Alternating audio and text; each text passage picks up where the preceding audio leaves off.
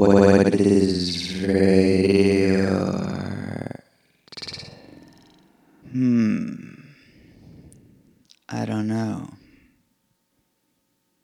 But let me ask you Have you ever heard baseball on the radio? Do they have baseball on the radio in Europe? Baseball on the radio is perhaps the most American sound you could hear broadcast on the radio. It is one of the softest sounds I've ever heard. And it's soft, and it goes on and on. And sometimes there's an interruption. Sometimes.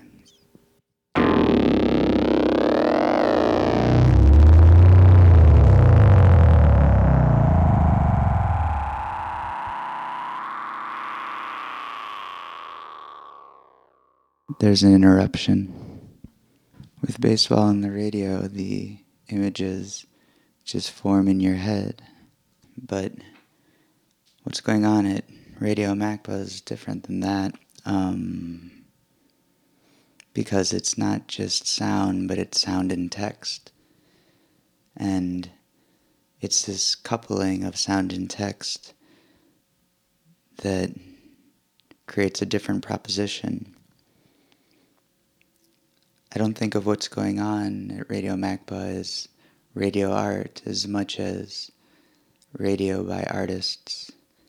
It's a place to demonstrate ideas and a place to uh, reveal process and research and study.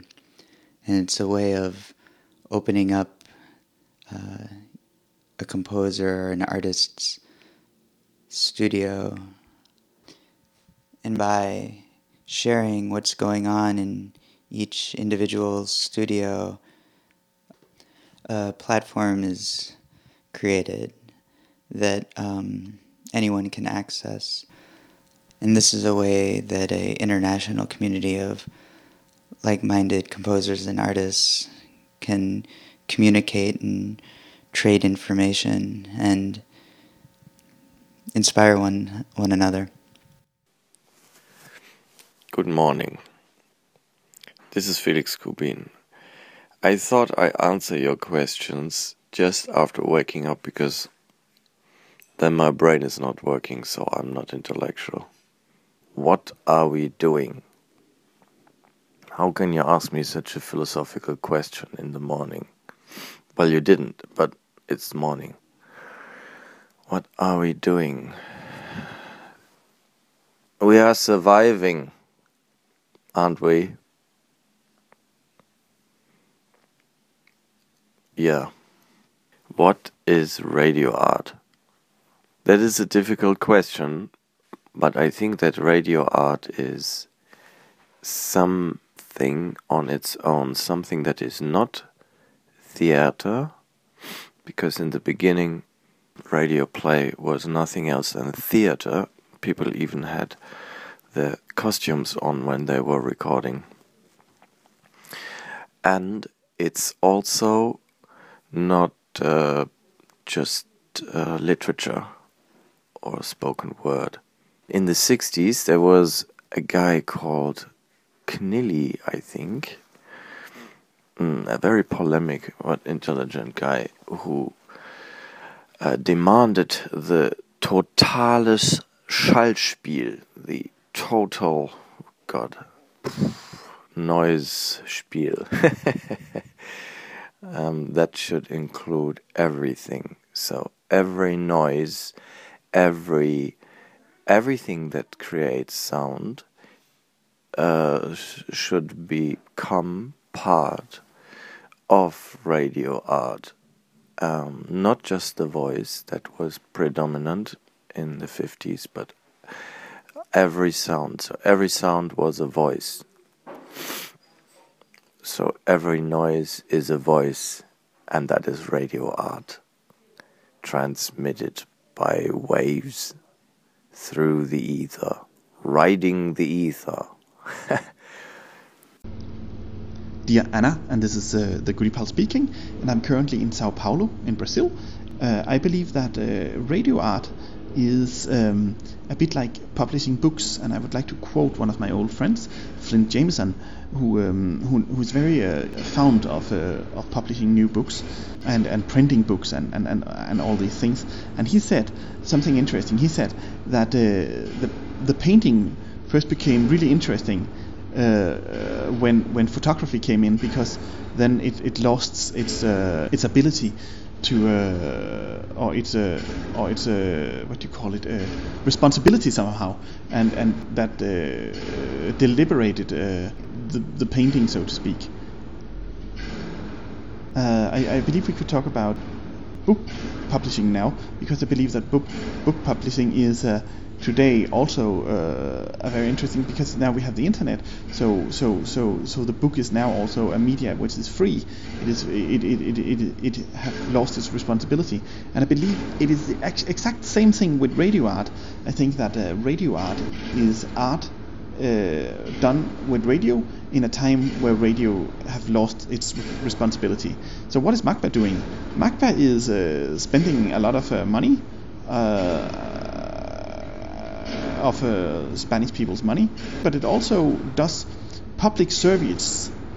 And the, the radio programs is done uh, from MACBA is also public service in a time where no public service uh, agencies such as national radio, national this and that, is uh, takes the responsibility to present new and innovative ideas uh, on subjects both in music and art or in philosophy or whatever, what have you. Um, but but basically nobody takes that responsibility. Uh, through what we co- what we, we used to call public service uh, organizations in Europe, and therefore I believe that that, that is basically what what MACBA have, have taken over. MACBA now does its uh, public service, but it's of course not a, a national public service. It is a wider public service in that respect. What is radio art? Radio art is the idea of driving listeners away, making them turn off the radio. What are we doing? We are taking advantage of the idea that we don't have to please anyone. Radio offers so many freedoms, which so few take advantage of. In the early 20s, radios immediately found a wider commercial and social success and importance than recordings and records had in the decades previous. Despite the persistence of the disembodied voice, the radio promised you that that voice was live and connected you and a larger audience to something that was living. My favorite radio art used studio technology at its to its utmost as a live instrument and reached a live audience, and a full history of it remains unwritable because so much of it was not practiced formally but casually as playful experiments in the early hours in the morning on large stations simply following the lead of the mixer in front of them to combine multiple elements, or as people went off script to directly address and connect the unseen audience. Internet radio is different from radio art in so many important aspects. The central location of a broadcasting studio, the fixed moment of transmission, all of these things very important. But the connection made with the widest possible audience, the seemingly direct and unmediated aspects of it still hold the same great potentials.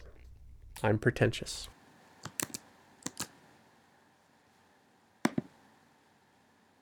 The working field of radio transmission is the ionosphere. The internet is a virtual ionosphere of algorithm. At the moment, the ionosphere for radio transmission using airwaves is beyond the algorithm. But for the quantum electronics, the internet field should be algorithmic, either way. The transmitter of the internet is the software. So I could say that the internet radio might be considered as an augmented radio art.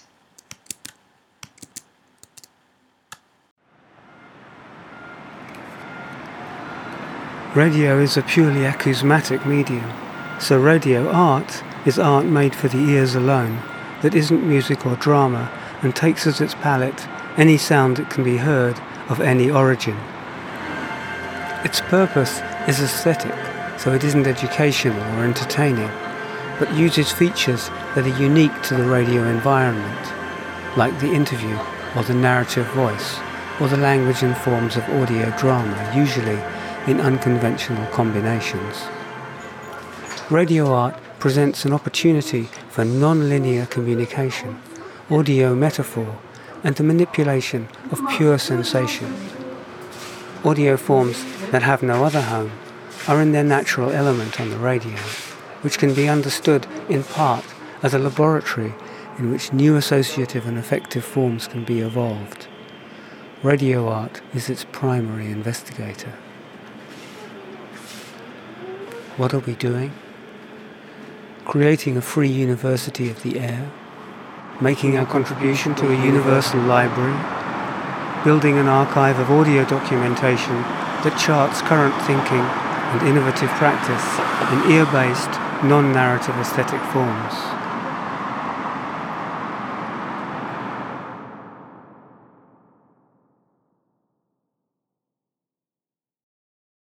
I'm going to quote philosopher Graham Harman in a Radio Macba podcast from last year, where he said that a knife can still be a knife even if no one is using it.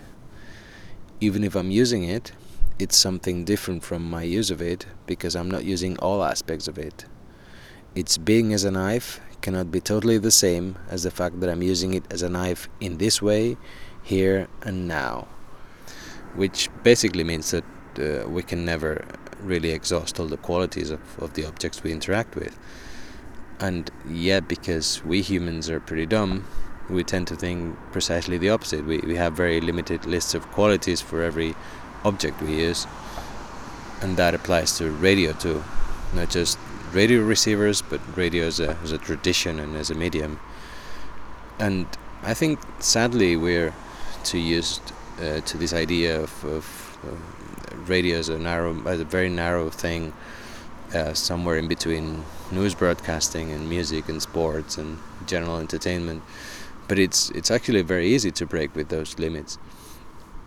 You know, to use a very cliche and obvious analogy, if, if a urinal can become a fountain, then a radio station surely can be much, much more than commercial mainstream radio, which I guess it's kind of um, stating the obvious in, in this room because everybody probably knows that already. But I think that also applies to radio art, so called radio art, whatever that is. Uh, I think the danger is, is to build very rigid limits for that that object as well. If we do that, then then then we're screwed because this thing that, that should be about provocation and introspection and psychedelia and, and research and this kind of naive idea of freedom suddenly becomes very constrained and very boring. And I think that's that's an important lesson to, to take from Graham Harman and, and and the knife you know